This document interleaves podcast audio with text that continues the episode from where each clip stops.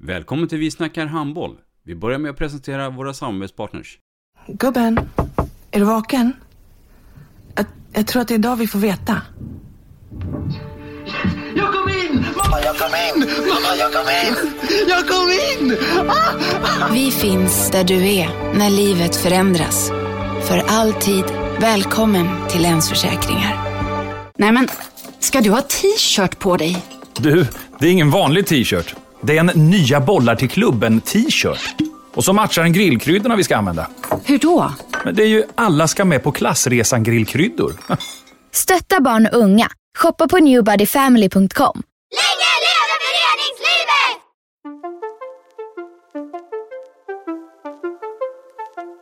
Välkommen säger vi till dig som lyssnar till den nya handbollspodden Vi snackar handboll med Robban Z. Vi snackar handboll, där du får veta alla sanningar som du inte visste att du missat. Vi snackar handboll. Idag i programmet Vi snackar handboll så har vi inte varken Dagge eller Matte här. Men vi har en annan inbiten handbollsnörd, ledare, domare, tränare och en föreningsutvecklare i Anders Olsson. Välkommen! Tack så mycket. Anders Olsson, vem är det? Ta oss från början. Ja, eh, i dagsläget en 56-årig Uppsalabo, men startade från början så bodde jag i Norrland när jag var liten och flyttade ner till Vallentuna som 12-åring. Hade tänkt att börja spela basket, för det hade jag alltid velat. Men i Boden fanns det inte basket, där spelar man handboll och handboll tyckte jag var tråkigt. Så att eh, när jag kom till Vallentuna tyckte jag att äntligen ska jag få spela basket. Såg en annons att man kunde börja spela i Valbas. Eh, och gick ner rätt dag, trodde jag. Men jag gick ner fel dag. Och då var det kompisar i min ålder som sa, vad gör du här? Är det inte basket? Nej, sa de, det är handboll. Ja, men har du grejerna med det? Ja. Sen blev det bara handboll resten av livet. Mm. När jag tänker på Vallentuna, då tänker jag på volleyboll. Ja, det är ju rätt. Eh, volleybollen är ju så att säga, resultatmässigt mest framgångsrika från Vallentuna, kanske historiskt. Men, men handbollen är större i antal utövare. Mm. Mm. Och, eh, ja, jag blev där i Vallentuna, spelade som ungdomsspelare. Eh, vänsterkant. Eh, debuterade så småningom i A-laget som målvakt. Eh, men spelade sen mest nio meter i eh, division 3, vårat B-lag. Mm. Om, om, vi går tillbaka några år, jag, tänk, jag tar redan från mamma, pappa och, och den tiden. Hur, hur, var du som liten pojk och utvecklingen med skolan och det? Eh, ja, jag har väl alltid varit en sån här snäll kille. Inga För snäll? Ja, förmodligen. Inga bus och inga, inga elakheter, utan eh, gjort mitt bästa i skolan och mm. var väl ganska duktig för det mesta. Mm. Eh, hyggliga betyg hela vägen rakt igenom. Så. Och yrkeskarriären då? då vad, vad, tänkte du då? Alltså vad skulle du vilja bli? Eh, när jag gick ut Tibble-gymnasiet i Täby eh, så sökte jag för att bli journalist, eh, jurist eller idrottslärare på GH. Mm. Men eh, ansöknings eller antagningspoängen på den tiden var ju i princip 5,0 för att komma in på allting. Mm. Och riktigt så höga betyg hade jag inte, även om det var några decimaler ifrån. Så att det blev ingenting av det. Nej, jag tror vi kommer tillbaka till journalistlinjen där och eh, idrottslärarämnet där. För att eh, du är ju en ledare. Det kommer vi få eh, vetskap av. Du, eh, den aktiva karriären.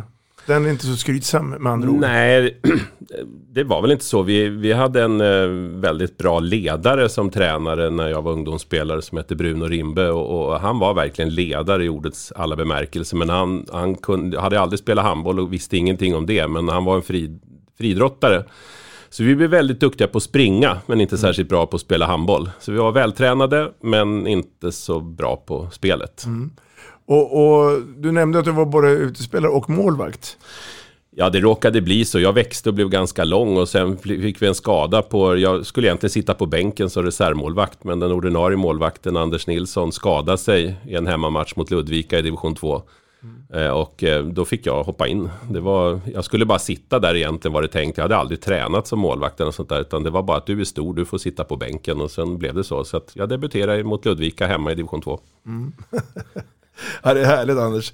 Du, eh, Ehm, men du valde vad jag förstår senare att Ja, när jag var Utveckla 15 så gick jag en, led, en tränarutbildning och eh, började då när jag gick i eh, första år, om det var på i nian eller första året på gymnasiet och träna flickor 68 i Vallentuna.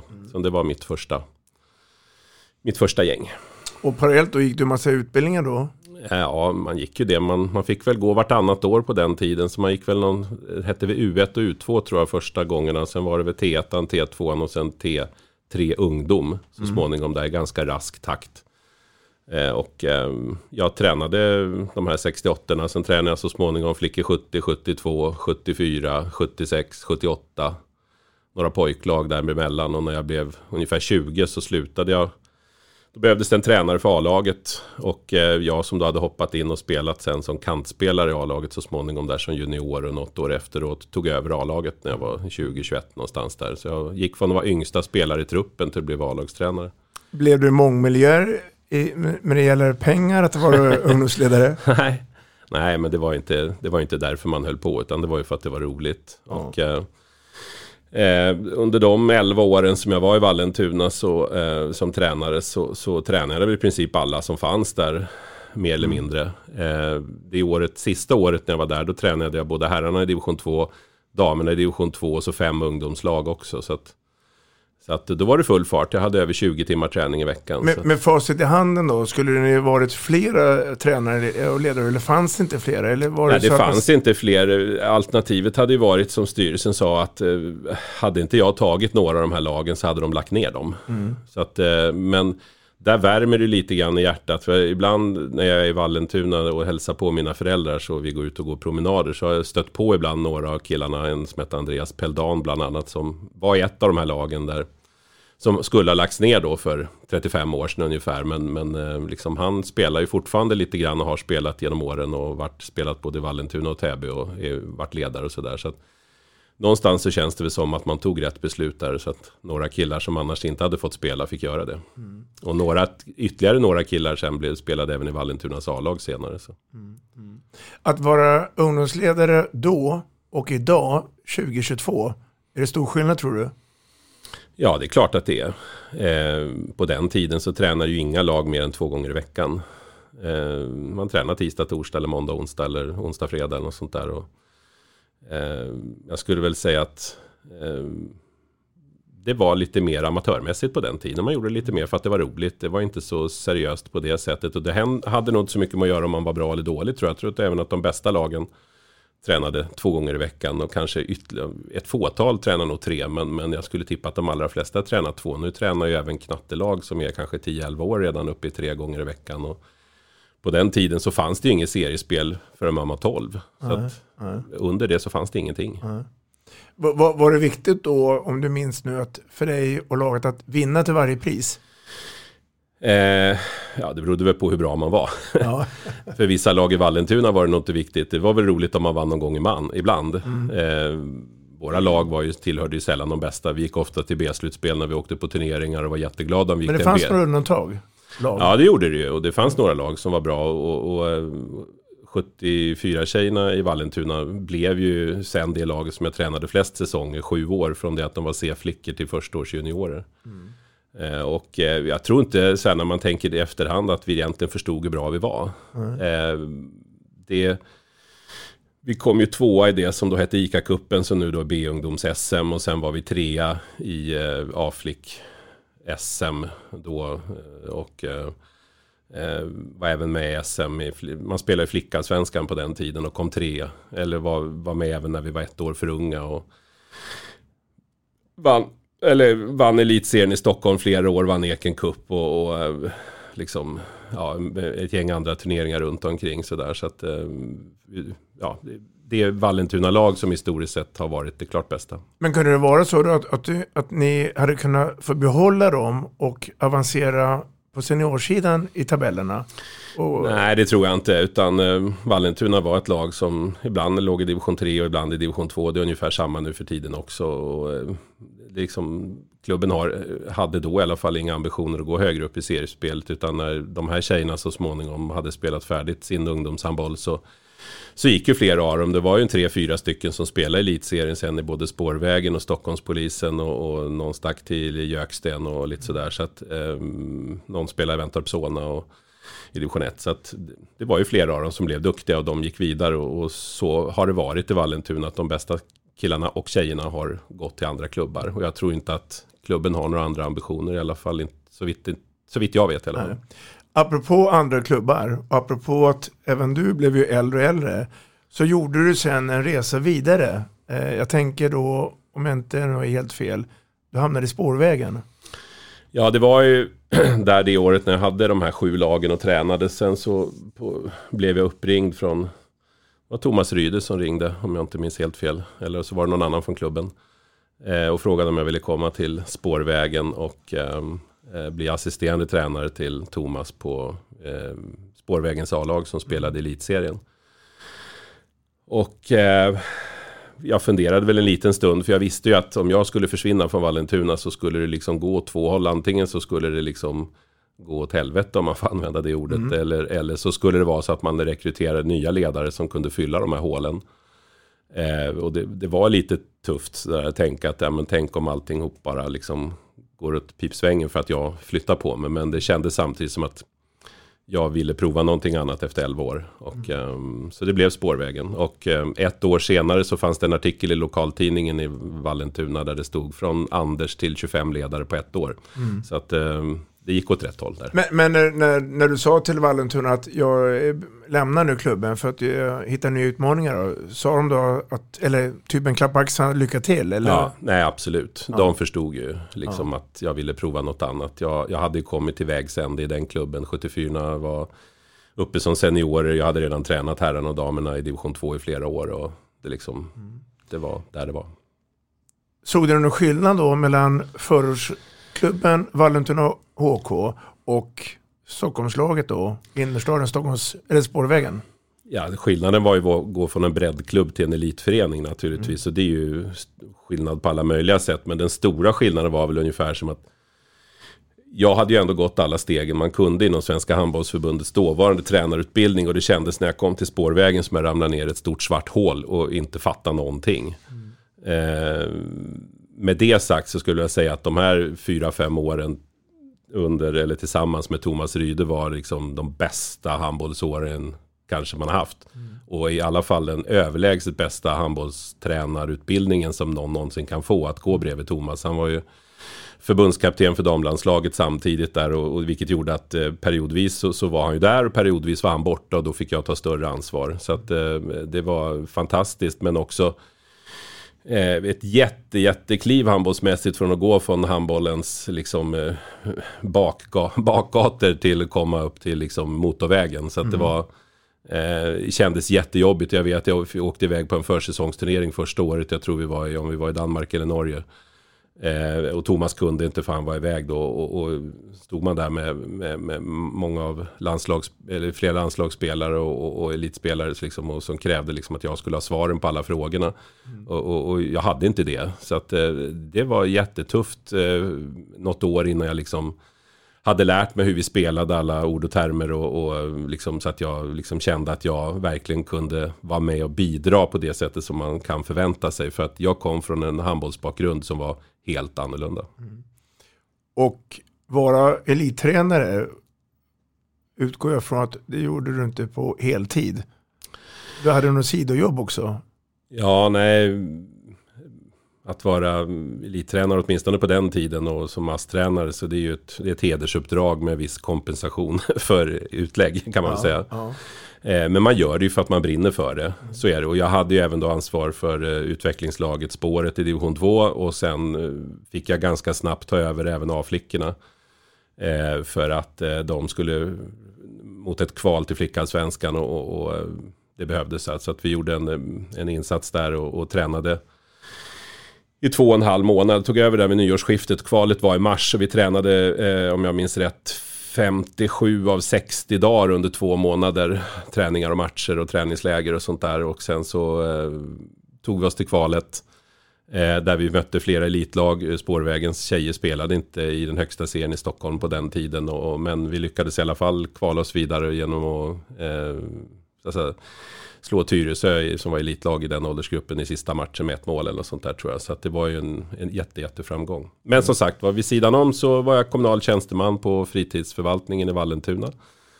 Eh, och så småningom så startade jag och några kollegor en, en eh, sportaffär. Mm. Känns som att det var länge sedan. Ja, det är 30 år sedan så att det är länge sedan. Ja. ja. Eh, vad hände efter spårvägen-tiden då, handbollsmässigt? Ja, alltså spårvägen var ju sju år, så det var ju, det var en ganska lång tid. Och, och det var liksom från att vi, om säger, började med att liksom hade hand om A-laget, U-laget, sen A-flickorna. Så småningom så blev jag ju liksom insyltad i väldigt mycket. Vi startade en kupp som hette eh, Eh, har jag glömt det bara för det. Eh, spårvägsspelen ja. eh, låg i maj eh, och eh, en ganska stor turnering i Stockholm eh, på flicksidan då. Som Spårvägen bara hade flicklag. Eh, jag blev eh, anställd av klubben, jobbade på kansliet och eh, sågs väl av många som miste spårvägen på något sätt. Även om då Thomas frontade A-laget utåt. Och så småningom var ju även Ingmar Linell där och Monica Bergman så det var ju otroligt häftigt att liksom vara verksam i samma miljö. Och vi jobbade med, jag jobbade med de juniorerna och flickorna som var på väg upp samtidigt då. Och 77 tjejerna som var första kullen där, där, där tog vi oss, det var ju trea flick-SM och sen vann vi junior-SM. 78 som kom efter var vi tvåa i flick-SM och sen förlorade vi JSM-finalen mot Skuru. Och sen 79 året efter det var vi final. Men missar den avgörande matchen för att gå till semifinal mot Skånela. Där mm. Madde Grundström och Sunkan, Karin Sundstedt och några ja. till sabbade dagen för oss. Så, mm så att eh, det var, det var intressanta år och det var mycket eh, framgångar i ungdoms-SM och många talanger som hade möjlighet att få jobba med. Och som liksom senare då gick upp i A-laget. Och när Thomas så småningom blev proffs utomlands, eller proffstränare utomlands så så fick jag ta över det tillsammans med Monica Bergman. Men eh, där någonstans sen så sket det sig lite grann och eh, åren i spårvägen var till, var till ända. Mm. Och spårvägen idag? Ja, är det är ju, annorlunda? Ja, nej, det är ju det svider ju naturligtvis. Spårvägen är en stor del av, av min, min handbollsbakgrund. Ja. Och eh, det, det, har varit smärtsamt att se hur, hur det har sakta men säkert har gått ut för, för dem. Mm. Och eh, på vilka premisser som de verkar inom Stockholms, inom Stockholms kommun. Men eh, eh, Ser ja. du möjligheten att, att de kan komma tillbaka eller tror du att det blir tufft? Nej, men de, nej, det är klart att det går att komma tillbaka. Men, men det, är, det vet ju alla vi som håller på med handboll att det, det tar lång tid att bygga upp någonting och det kan vara borta ett nafs. Så att, ja. eh, det är tio års hårt jobb om de ska komma tillbaka och det går naturligtvis att göra. Men men det kräver ett par eldsjälar som, som, som har barn i några åldersgrupper som, och att de tillsammans med varandra skulle kunna göra det. Men det, absolut går det. Men många års hårt jobb blir det. Mm. Du eh, ledare i många år. Du har också varit ledare och är ledare på plan fast med en visselpipa i munnen. Ja, jag började med det ungefär samtidigt som jag utbildade mig till tränare när jag var 15. Eh, gick domarkurs där eh, och eh, började döma ungdomshandboll. Och eh, efter en tre, fyra, fem år så småningom så fick man väl börja döma seniorer. Jag tror jag var runt eller strax över 20 när jag blev uppflyttad till regiondomare och började, började döma division 1 damer och division 2 herrar. Mm. Och det har jag väl gjort sen i 30 år ungefär.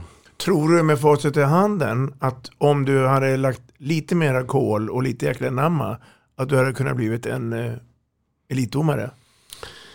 Eh, säker kan man inte vara, men jag fick frågan mm. eh, eh när jag var runt en sådär 25 år. Om jag ville satsa mot elit, liksom som domare.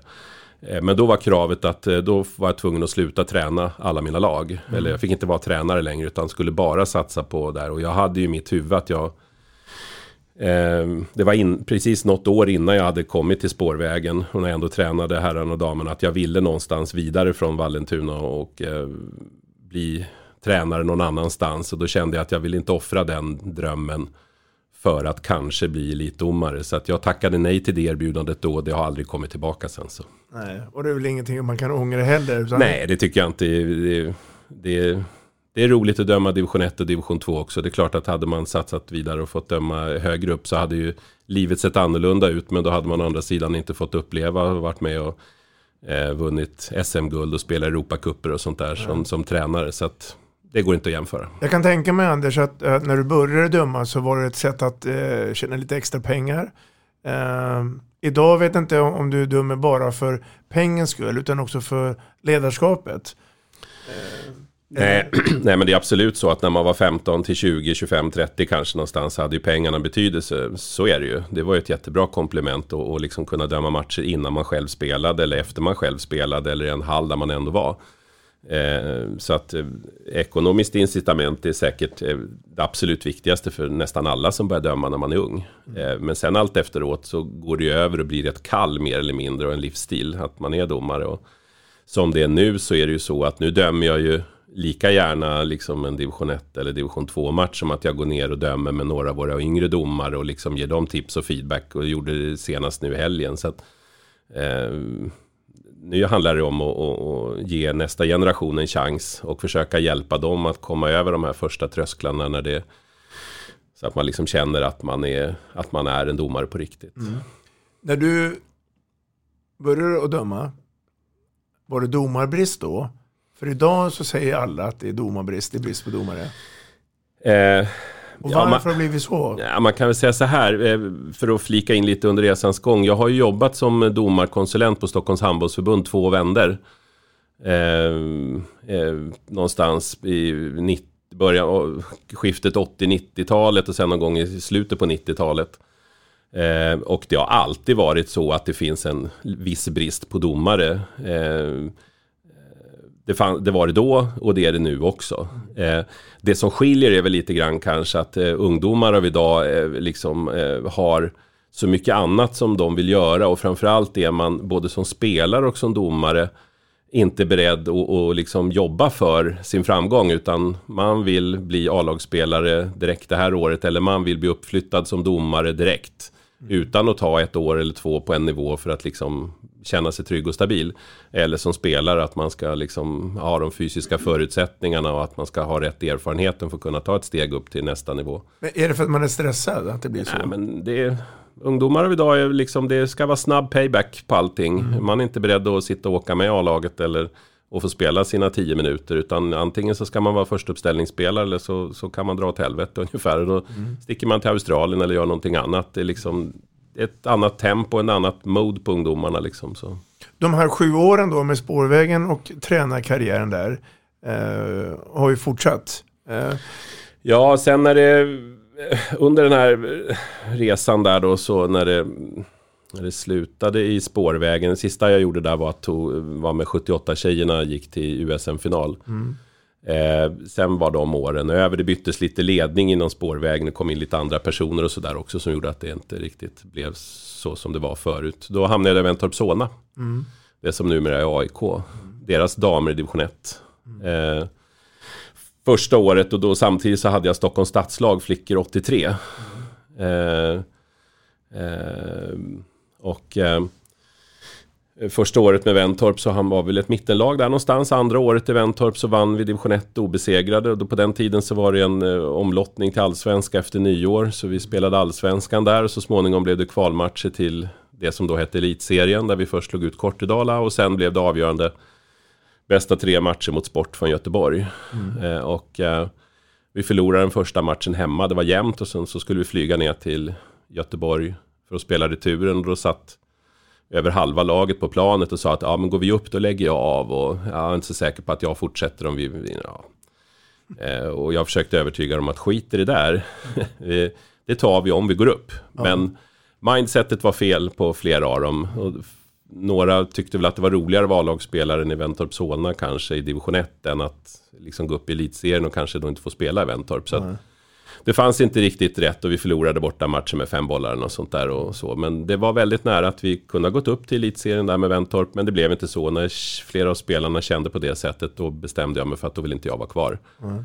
Jag vill ju träna ett lag med spelare som vill någonting och inte med sådana som är nöjda med att vara på en viss plats i livet. Mm.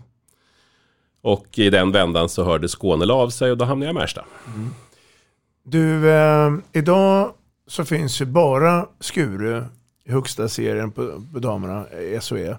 Mm. Får vi vänja oss med det många år till? Ja, det vet jag inte. På den tiden så var ju halva, halva elitserien bestod ju av fyra Stockholmslag. Det var ju polisen, Tyresö, Skuru och Spårvägen och sen var det Västerås och Skånela. Så att sex lag var ju så säga från östra Sverige. Mm. Och sen var det sex lag från övriga Sverige. Det var Sävsjö, Skara, eh, Sävehof, Varta, kanske var Sport. Och sen var det väl Eslöv tror jag, ner från Skåne som var med. Och eh, sånt där går väl i vågor, men eh, att Stockholm inte har några lag är ju en halvbristfråga som jag ser i första hand. Eh, man har inte de träningstidsmässiga resurserna för att kunna liksom, träna så mycket som behövs för att bli elitlag. Plus att det också är lättare att skaffa sponsorer på en mindre ort där före- företagarna ställer sig bakom på ett helt annat sätt. Jag menar, att bli ett elitlag på damsidan kräver inte särskilt mycket pengar. Men har du inga pengar alls så kan du inte bli det. Så att, Nej. eh, så att det, det kan vända, men, men det, det krävs hallar och pengar. För idag är det bara en fråga om den som har pengar blir ett elitlag. Det har ingenting med något annat att göra. Nej, rätt enkelt. Ja, det är det ju inte ändå. Men, men har du inte pengar och du inte har hall, hallresurserna och du inte har en egen ungdomsverksamhet som kan skapa talanger. Eh, då är det bara pengar som gäller. Och, och, det är därför du tror, då är det lättare då att eh, de här förortsklubbarna har det lättare för sig. Oavsett var de kommer ifrån. Ser Ja, du samma det- bekymmer nere i Göteborg? Alltså Göteborgs stad, mitt i smeten.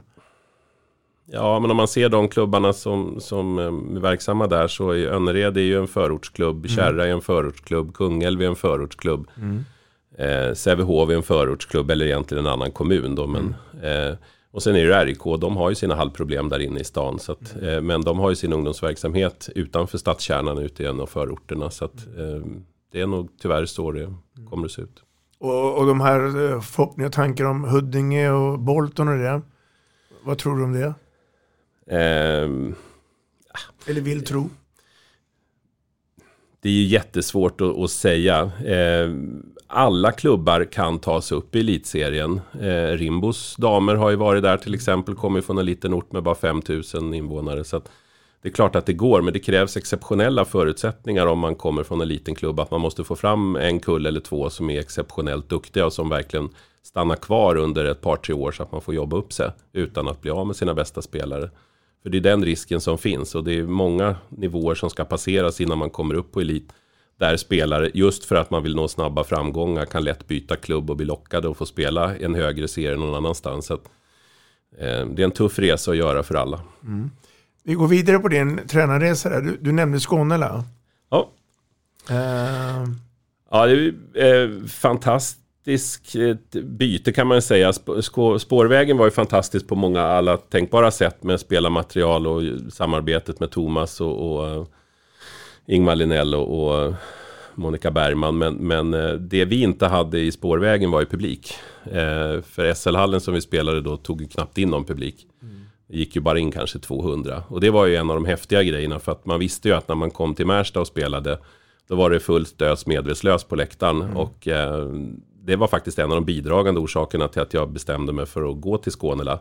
När Skånela hörde av sig att det skulle bli så otroligt häftigt att få spela inför en stor hemmapublik. när tog eh, elittränarkarriären slut då? Så när kände du att nu har jag gjort mitt på... Eh, ja, det var tre år i, i Skånela. Eh, först skrev jag på ett tvåårskontrakt, sen skrev jag om kontraktet på ett plus ett år. Eh, men jag kände efter där säsong tre, alltså första året på det andra kontraktet, att eh, det var lite soppatorsk på energin.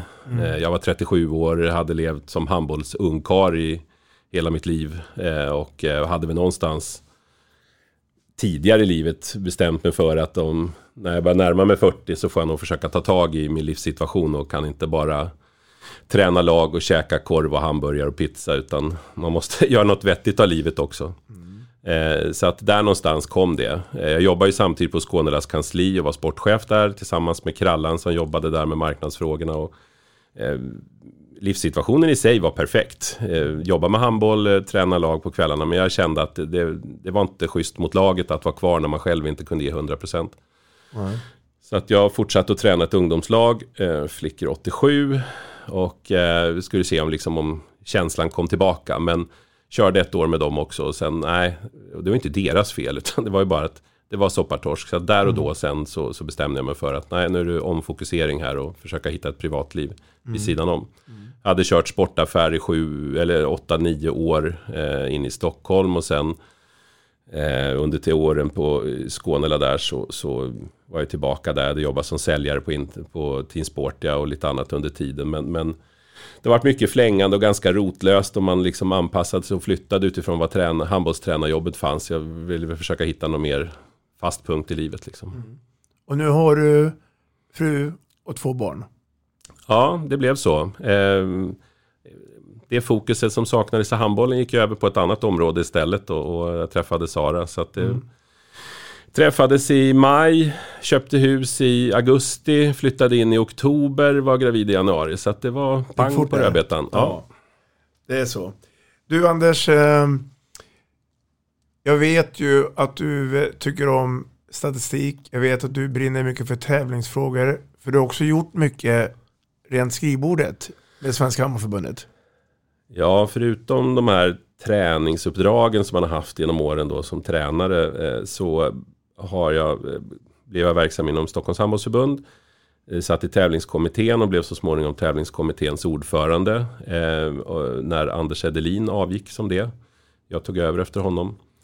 Eh, Då satt man automatiskt i styrelsen i Stockholms handbollsförbund eh, och blev per automatik också egentligen kan man säga ordförande för, eh, eller ansvarig, regional tävlingsansvarig för Svenska handbollsförbundet för östra Sverige.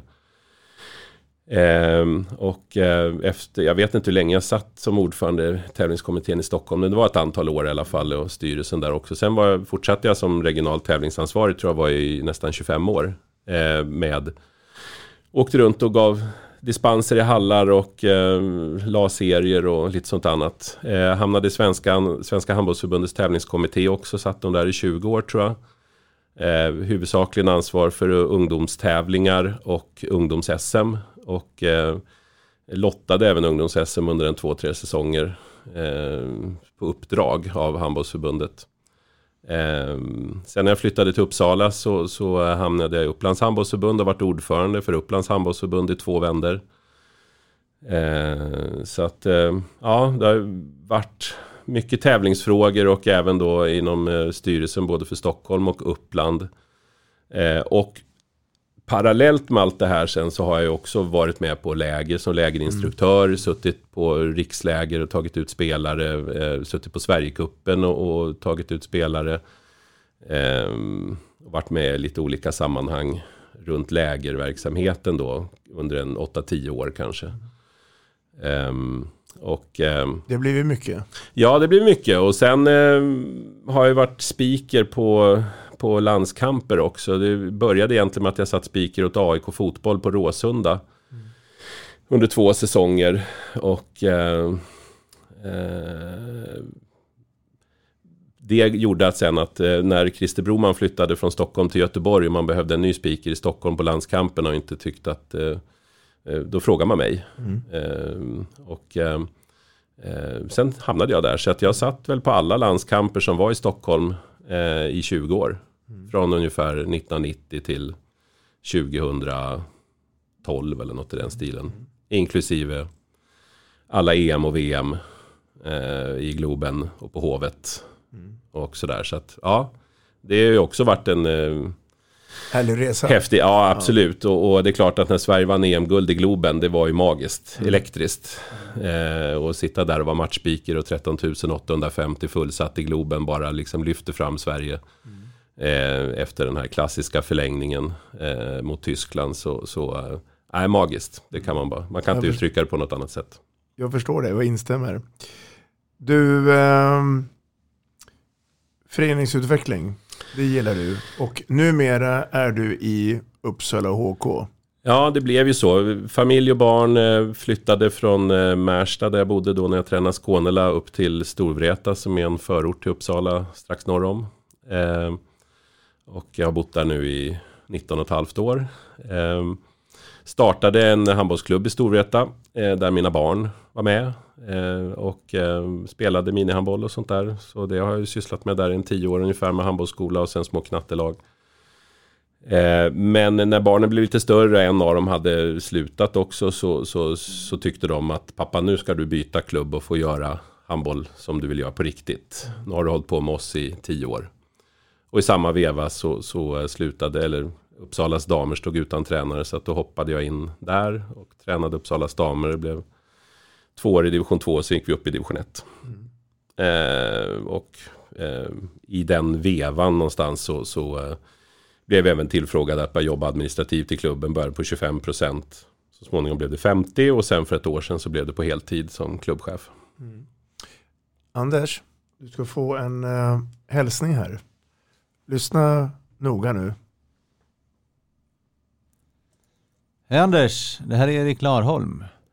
Jag har själv varit runt i eh, både olika städer och, och föreningar och tycker mig ha en, en viss insikt i diverse arbete. Jag hör om ett arbete kring Uppsala HK och att du ska vara inblandad där. Och med all din erfarenhet, kan du eh, lyfta fram vad du anser viktigast för att en förening ska växa och må bra? Lycka till med allt jobb och eh, kör tills du inte orkar. Ha det bra, hej! Ja, Erik Larholm. Ja. Eh, nej men det är klart att eh, någonstans så har man väl lärt sig saker och ting genom åren. Både i Vallentuna, åren i Spårvägen, åren i Skånela. Där jag liksom har jobbat med, med föreningens administrativa sida parallellt med tränaruppdragen. Eh, och även inom handbollsförbundet då. Eh, eh Alltså om en förening ska lyckas långsiktigt så måste man ha en bra organisation. Och, och det är det som gör att de, de, största, eller de föreningarna som man upplever är bra hela tiden, är bra hela tiden. Det är ju för att de har en bra organisation bakom. Eh, medan de föreningarna som får fram enstaka lag eller som går upp i någon serie och sen åker man ur två nivåer och så upp och pendlar fram och tillbaka och sånt där, de har det inte. Sen finns det naturligtvis andra faktorer som rent var man befinner sig geografiskt och vad man har för ekonomi och sådär. Men, men organisationen och strukturen är ändå det som gör att liksom alla föreningar skulle kunna vara en bättre version av sig själva om de var duktigare på det. Mm. Eh. Är, är, är, är, du på väg åt det hållet med Uppsala tycker du nu?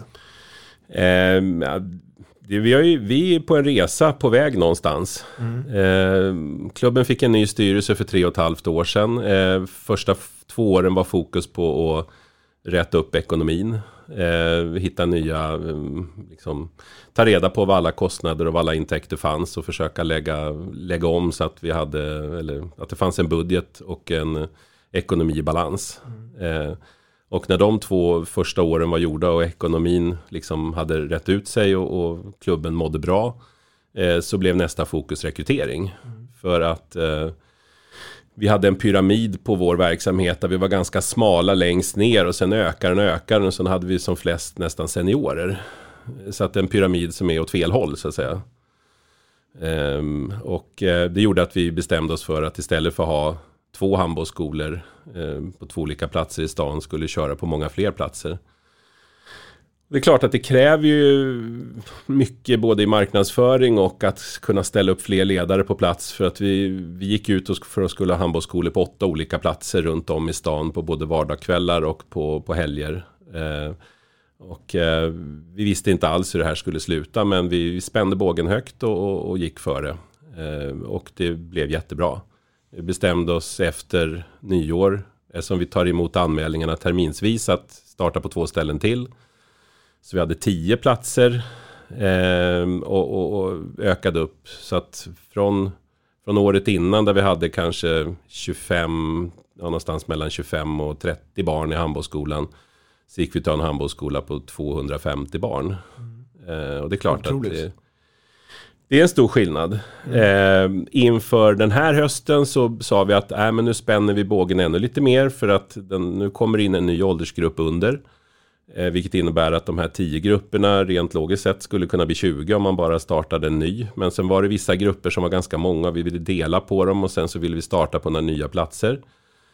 Så i höstas bjöd vi in till, eh, tror jag det var, eh, 28 grupper eller 28 träningsgrupper? 28, ja, 28 ja. eller 29 träningsgrupper. Alltså på olika, jag tror vi var i 13 olika hallar. Är det, några, är det någon stadsdel i Uppsala där, ni, där den är inte riktigt har nått fram?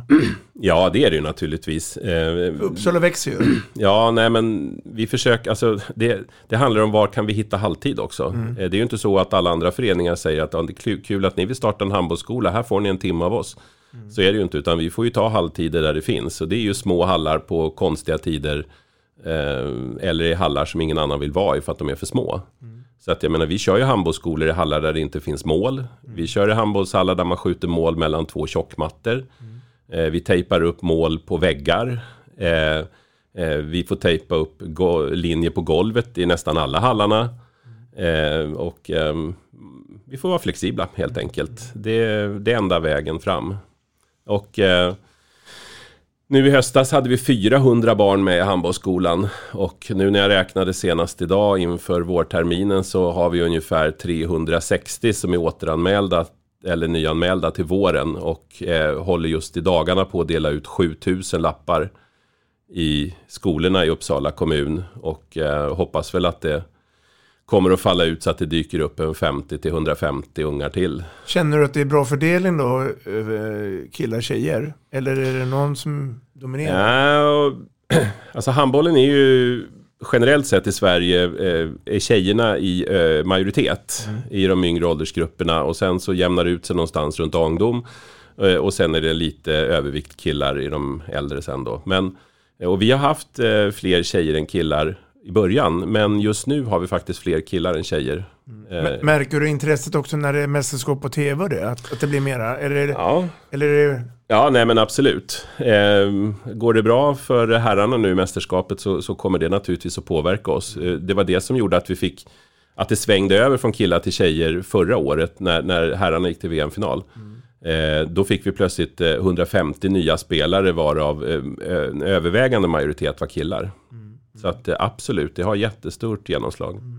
och, och att hitta ledare för de här då? Ja. Eh, Är det utmaningen också? Det är en enorm utmaning att gå från två handbollsskolor eh, med kanske tre, fyra ledare till att ha 28 handbollsskolor. Eh, eh, och, och vi får ju lösa det på lite olika sätt. Eh, vi har föräldrar som, som har tagit hand om vissa grupper när de har hållit på en termin eller så. Eh, vi har också ungdomar som A-ungdomar som, som hjälper till. Eh, vi har ju ett system hos oss där våra ungdomsspelare, så att säga, när man tar ett uppdrag som tränare får ersättning. Så att det är ju ett, alltså, eh, det är ett incitament för att man ska hoppa in som handbollsskoleledare. Hade vi inte haft betalning så hade vi bara varit ett fåtal av dem som hjälper till idag som hade hjälpt till då. Utan, men, eh, men med det sagt så eh, för att få det hela att gå ihop nu under hösten så har jag själv åkt runt på kanske 13, 14, 15 handbollsskolor i veckan. Eh, och haft dem själv eller hjälpt någon annan att ha dem. Eller eh, liksom så. Men allt eftersom så knoppas det av om man har föräldrar som, som kan ta över. Det är vi ungdomar som efter ett antal träningar klarar av att träningarna själv. Så nu inför våren så tror jag kanske att jag bara kommer att ha en fyra fem grupper där jag har ett hundraprocentigt ansvar själv och min ambition är att de fyra fem grupperna ska tas över av andra under våren och att jag sen ska ambulera och åka runt på de här 28 grupperna för att ge tips och feedback till alla våra ledare. Hinner du samarbeta med gymnastiklärarna på de olika skolorna? Eh, ja, i vissa fall.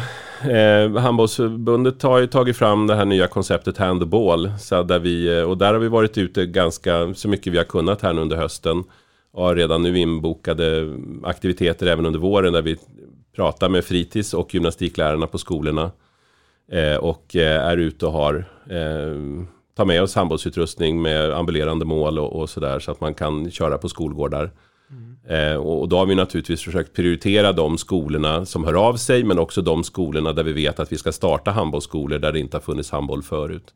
Och det har gett eh, magiskt bra resultat. Du ska få en hälsning till från en vän som eh, du känner mycket, mycket väl. Låt höra här. Hej på er i studion! Håkan Kralla Nilsson här.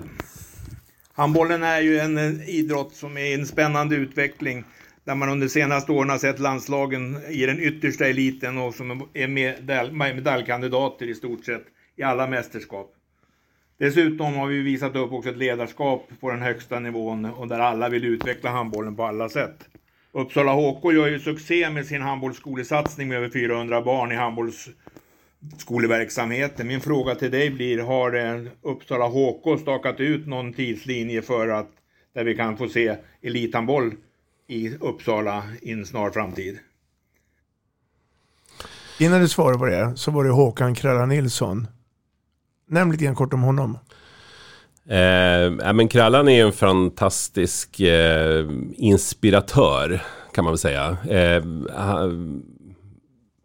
han, han, får ju människor att eh, vilja engagera sig. Och eh, jag tycker de åren vi hade tillsammans på, på kansliet i Skåne var en otroligt kul arbetsperiod. Mm. Med en människa som man kunde bolla alla saker med och som alltid kunde bidra med tips och idéer. Så att, eh, det är en härlig människa. Jag tror att eh, i, i sitt nya sitt nya jobb på, på SISU här med föreningsutveckling så, så har han verkligen hittat sin plats i livet.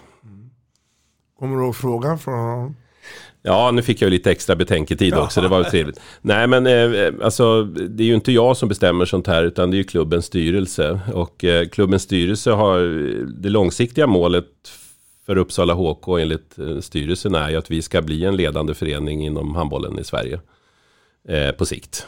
Eh, vi, alltså, med, om vi kan fortsätta med den rekryteringssatsningen som vi gör nu så kommer vi ju per automatik att ha många, många fler spelare naturligtvis i de yngre åldersgrupperna och istället för att ha ett lag i varje åldersgrupp som det har funnits tidigare så kommer vi kanske kunna ha två eller tre lag i varje åldersgrupp. Och det är klart att någonstans så hoppas man ju att det ska generera bättre spelare på sikt och ett, utifrån ett bredare urval.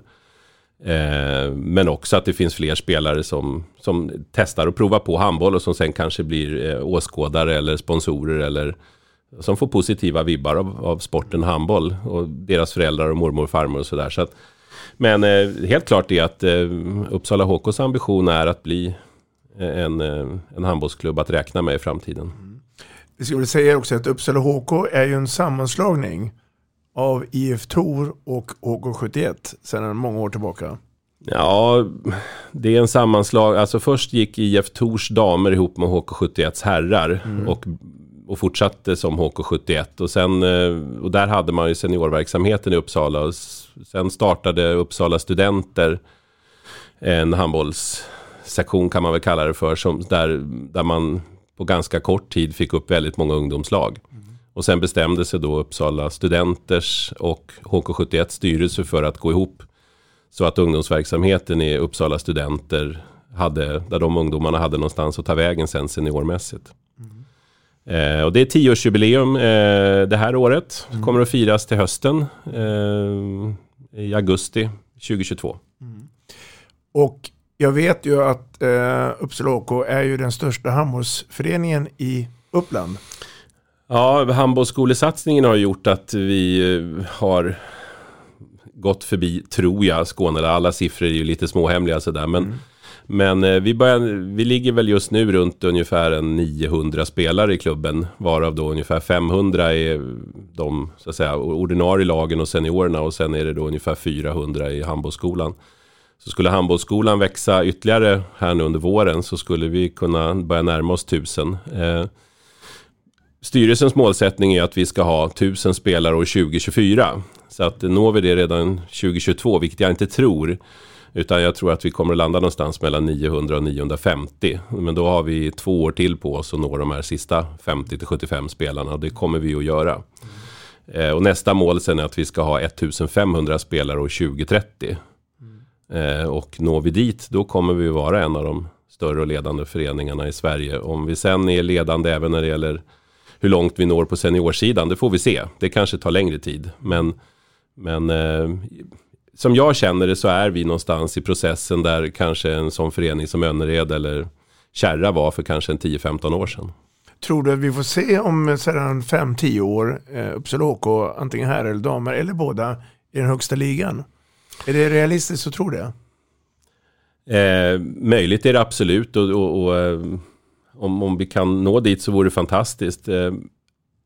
I en stad som Uppsala där, där det finns väldigt många olika föreningar som är verksamma så är det en tuff miljö att komma åt pengarna för att kunna nå hela vägen fram. Och som jag sa tidigare så är pengar avgörande för om man ska nå elit. Eh, det finns eh, tre lag i innebandyligan på herrsidan och ett på damsidan. Eh, det finns volleybolllag i elitserien på herrsidan. Det finns basketlag på herr och damsidan på elitnivå. Eh, vi har Sirius i fotbollsallsvenskan, vi har Sirius i bandyallsvenskan, Almtuna i hockeyns allsvenska. Det finns Fyrisfjädern som är bland de bästa i badminton i Sverige och det finns flera andra idrotter där man är jättebra i Uppsala. Så att, eh, det är tufft att nå ut i, i liksom, eh, bruset av allt det andra som då har en, eh, ett historiskt försprång när det gäller att arbeta på sponsormarknaden. Men eh, det är också så att eh, handbollen har ju en enorm fördel i att vi uppfattas av allmänheten som en väldigt positiv eh, och bra och schysst sport med, med eh, liksom det är tufft, det är hetsigt, det är tekniskt, det är fartfyllt. Men också att man är, liksom, man är schysst med varandra och fair play. Man hjälper varandra upp och man liksom... Eh, ja, vi, vi, är någonting bra. Och, och, det är någonting som företag i allt större utsträckning också letar efter. Man kanske hellre vill ha sponsra en handbollsförening även om man historiskt har gått på en hockeyklubb där de åker runt och bara slår på varandra med klubborna. Eller en fotbollsförening där alla spelarna bara slänger sig ner och låtsas att de är skadade. Mm. Det är viktigt för, för företag att associeras med rätt värderingar. Och där ligger vi som handbollsföreningar allihopa mm. i ett otroligt bra slagläge. Och förhoppningsvis även vi i Uppsala. Mm. Eh, Anders Olsson om 5-10 år då? Vad gör han då tror du? Ja, förhoppningsvis så jobbar jag kvar på Uppsala handbollsklubb och eh, har massor med nya projekt på gång som gör att vi kan utvecklas som förening. Mm. Eh, eh, det är många, många saker som måste göras eh, och eh, nästa stora steg för oss som förening nu blir ju att utbilda alla ledare som ska ta hand om alla våra barn. Det är en sak att få massor med barn att komma till hallarna. Men vi måste ju också ha utbildade ledare som tar hand om dem så att de väljer att stanna kvar. För att de och föräldrarna tycker att det här är en bra verksamhet. Eh, sen måste vi också med våra äldre lag se till att de blir så sportsligt bra så att de liksom kan nå sportsliga framgångar. Så att vi i framtiden också kan få välutbildade spelare som vi kan flytta upp i vårt A-lag på herr och damsidan och sen komplettera det med spelare som flyttar till Uppsala för att studera på universitetet eller för att jobba. Mm. Och eh, så att utbildning, nu har vi liksom fått snurr på rekryteringen. Vi har en, en, en bra modell för hur vi ska rekrytera barn eh, och barnen anmäler sig i hundratal. Eh, så nästa steg är så att säga, utbildning och, och, det tror jag fokuset kommer att ligga på de närmaste åren. Mm. Anders Olsson, tiden har sprungit ikapp oss. Det var en ära att ha haft det här i Vi snackar handboll. Så att eh, tack så mycket för din medverkan. Tack så